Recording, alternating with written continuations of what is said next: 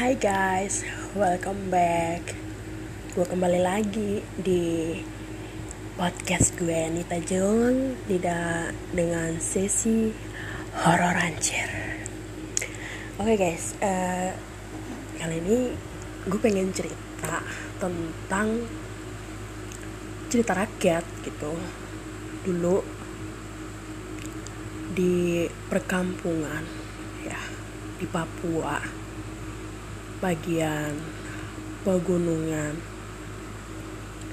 Ini cerita ya yang selalu uh,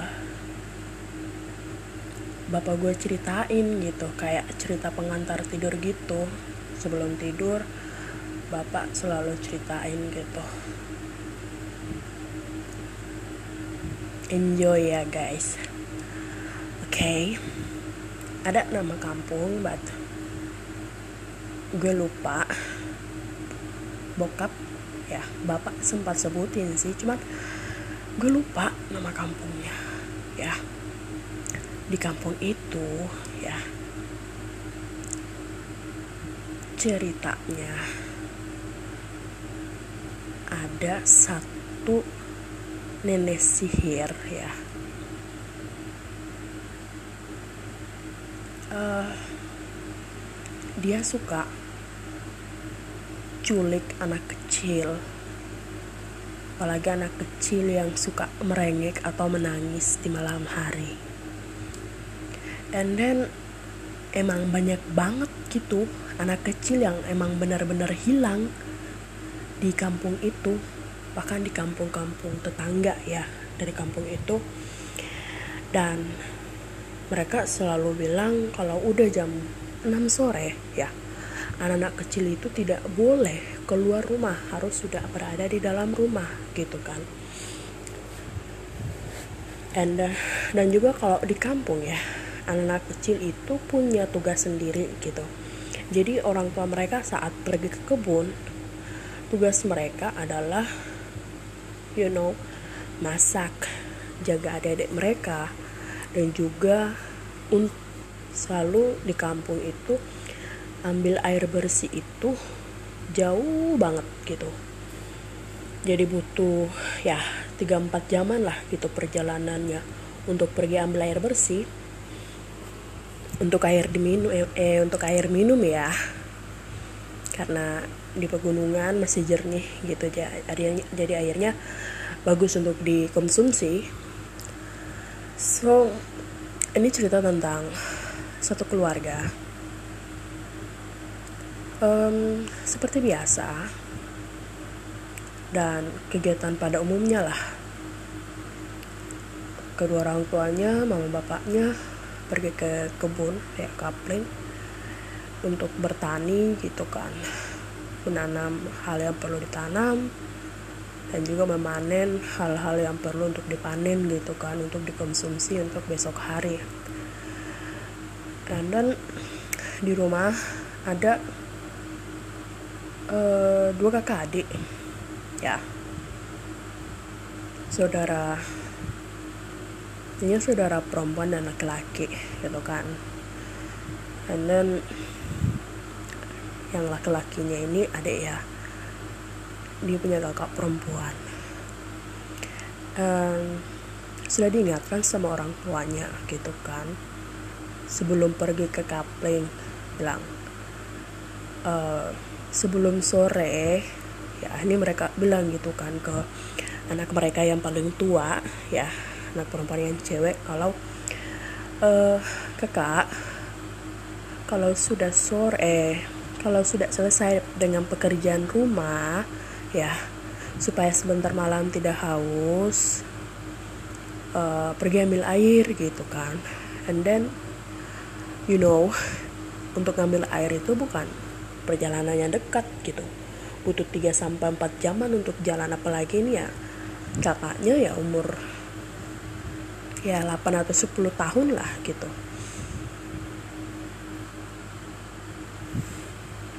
And then ya kakaknya bilang oke okay, bapak mama setelah menyelesaikan setelah saya menyelesaikan pekerjaan rumah saya akan pergi begitu. Saya akan pergi untuk uh, ngambil air untuk nanti diminum gitu kan. Oke okay, udah udah beres nih ya. Jadi uh, bapak sama mama udah jalan setelah selesai mereka pulang malam gitu kan. Ternyata kakaknya ini lupa gitu lupa untuk pergi ngambil air minum. Sedangkan belum minum apa-apa gitu dari sore. Ya lupa gitu kan terus. Mama sama papanya mama sama papanya bilang oke okay, ya sudah udah apa kamu udah lupa. Uh, besok kita bakalan pergi bareng gitu untuk ngambil uh, air minum gitu kan.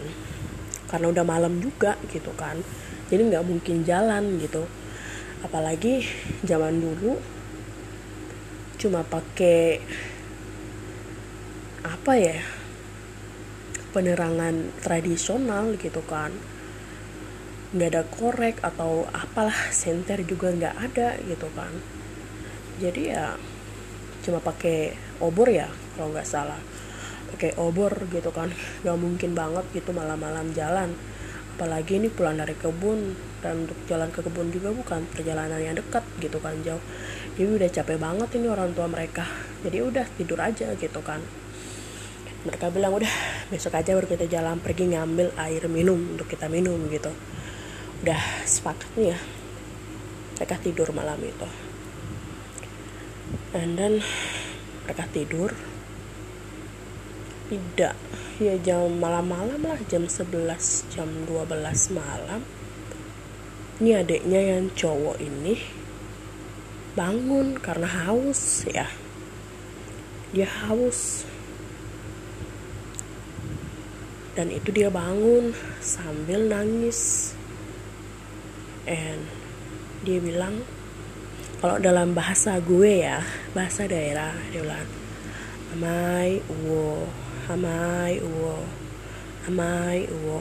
Ya yang artinya adalah amai uwo gapu amai uwo gapu ya. Yang artinya adalah mama saya haus air. Mama saya haus air dia berusaha dia nangis dia bangunin kakaknya dia berusaha bangunin mama bapaknya. Di situ dia nangis and then mamanya kaget bangun dong. Mama udah tidur aja besok baru kita jalan ambil. Tadi kan kita sudah bilang gitu. Udah karena capek kerja mamanya tidur kembali gitu. Dan anaknya dia nggak berhenti nangis. Dia masih tetap nangis. Tengah malam jam 12 dia masih bilang amai ani uwe kapu. Amai ani uwe i kapu. Yang artinya ya tadi gue jelasin bahwa dia bilang anak kecil ini bilang mama saya haus air. Mama saya haus air. Dia bilang gitu.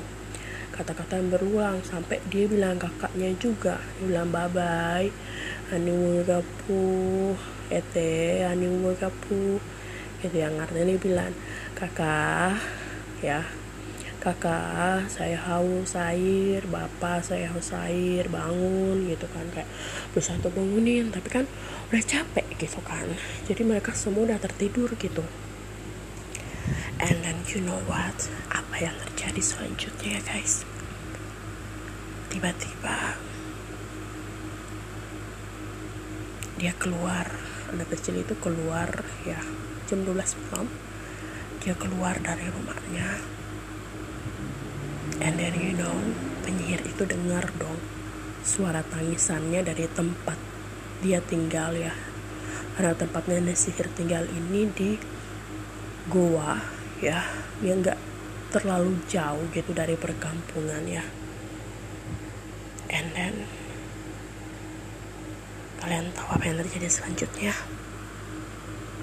Penyihir itu datang. Dia terbang ke tempat anak itu menangis ya rumah. Dengan senyum yang sumringah dia datang. Dia ketok pintu. And then you know lah anak kecil umur 3-4 tahun pasti penasaran dong. Dia keluar. Dia keluar. Dan dia lihat gak ada orang. Setelah itu kalian tahu apa yang terjadi? Dia nangis dong. Anaknya itu tambah nangis tuh mama saya haus air. Mama saya haus air. Gitu dia bilang. And then you know kalian tahu. Nenek sihir itu dia berubah wujud jadi mamanya. And then dia ambil daun talas. Dia kencing ya. Buang air kecil di atas talas itu. Terus dia bilang sama anak kecilnya gini. Dia bilang mu mei wonai wenogo dia bilang begitu mu mei wenogo begitu dia bilang sama anak kecilnya yang artinya dia bilang sini nak datang minum air ini ada air dia bilang gitu. So pasti anaknya seneng dong. Ada yang tawarkan air apalagi emaknya gitu kan. Dia lupa kalau emaknya udah tidur di dalam gitu emaknya gila gitu kan ya udah dengan senyum sumringahnya wah anak deketin tuh si penyihir yang dia kayaknya udah berubah wujud dari mamanya dia deketin and then langsung tuh nenek sihir buka mulutnya dia langsung bilang, apa nenek sihir? Dia bilang, air-air apa? Saya bukan mamamu. Mamamu ada tidur di dalam. Kamu sudah mengusik saya. Saya lagi tinggal tenang di dalam gua saya, di dalam rumah saya. Kamu mengusik saya, kamu memanggil saya malam-malam begini. Jadi saya datang untuk menjemput kamu. Enak saja, bilang, enak saja kalian dan saja kamu mau minum air, saya bukan mamamu yang bisa kasih kamu air. Dia langsung bekap itu mulai anak kecil langsung dia bawa ke dia terbang, dia bawa ke tempat tinggalnya yaitu di goa. Goa ya. And then ya. Ternyata udah pagi. Orang tuanya sadar kalau anak mereka udah nggak ada mereka sampaikan, mereka bilang bantu cari kepada tetangga-tetangga yang di sekitar mereka untuk cari mereka. Then mereka lihat ada daun talas yang ter masih tertinggal di pinggiran rumah. And then mereka udah bilang, mereka udah pastikan bahwa ya nggak lain lagi itu nenek sihir yang di atas gunung yang datang ngambil itu anak. And then apa yang kalian tahu? Apakah kalian tahu? Itu anak kecil. Ada satu lagu dia menyanyi, but saya tidak tahu cara nyanyinya ya. Tapi kalau dalam bahasa daerah saya sebut itu jenis nyanyiannya ya. Namanya adalah komauga ya. Itu nyanyian dari hati gitu kan. Bagus banget bokap selalu nyanyi emang suka banget dengernya. Intinya itu nenek sambil dia mempersiapkan segala sesuatu untuk masak itu anak kecil. And anak kecil itu paginya lihat di situ banyak banget tulang-tulang tulang-tulangan anak kecil gitu. Udah masak banyak. Dia udah siap mau masak itu anak anak kecil. And then ya. Yeah. um, nenek sihir itu dia mulai menyanyi begini saya buka saya nggak bisa ya nyanyi ya jadi sini sih cuma mau artikan saja arti dari lagunya atau arti intinya terjemahannya tuh gini dia bilang saya lagi tinggal tenang, saya lagi tidur bagus di rumah saya di gua yang jauh. Tetapi kamu tarik saya, kamu panggil saya dengan suara tangisan kamu.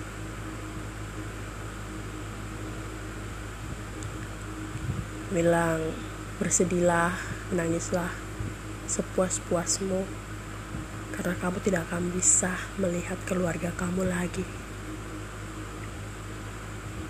Karena saya akan masak kamu karena kamu akan menjadi santapan saya pagi hari ini. Inti dari nyanyiannya gitu ya sebenarnya ada sih cuman ya itu uh, versi pendeknya lah. Uh, oke okay guys gitu aja cerita gue kali ini ya. And I hope gue berharap banget semoga selalu menghibur gitu kan. Dan dan bisa menemani waktu kosong kalian. And then buat teman-teman apa sih yang bisa kalian petik dari cerita ini gitu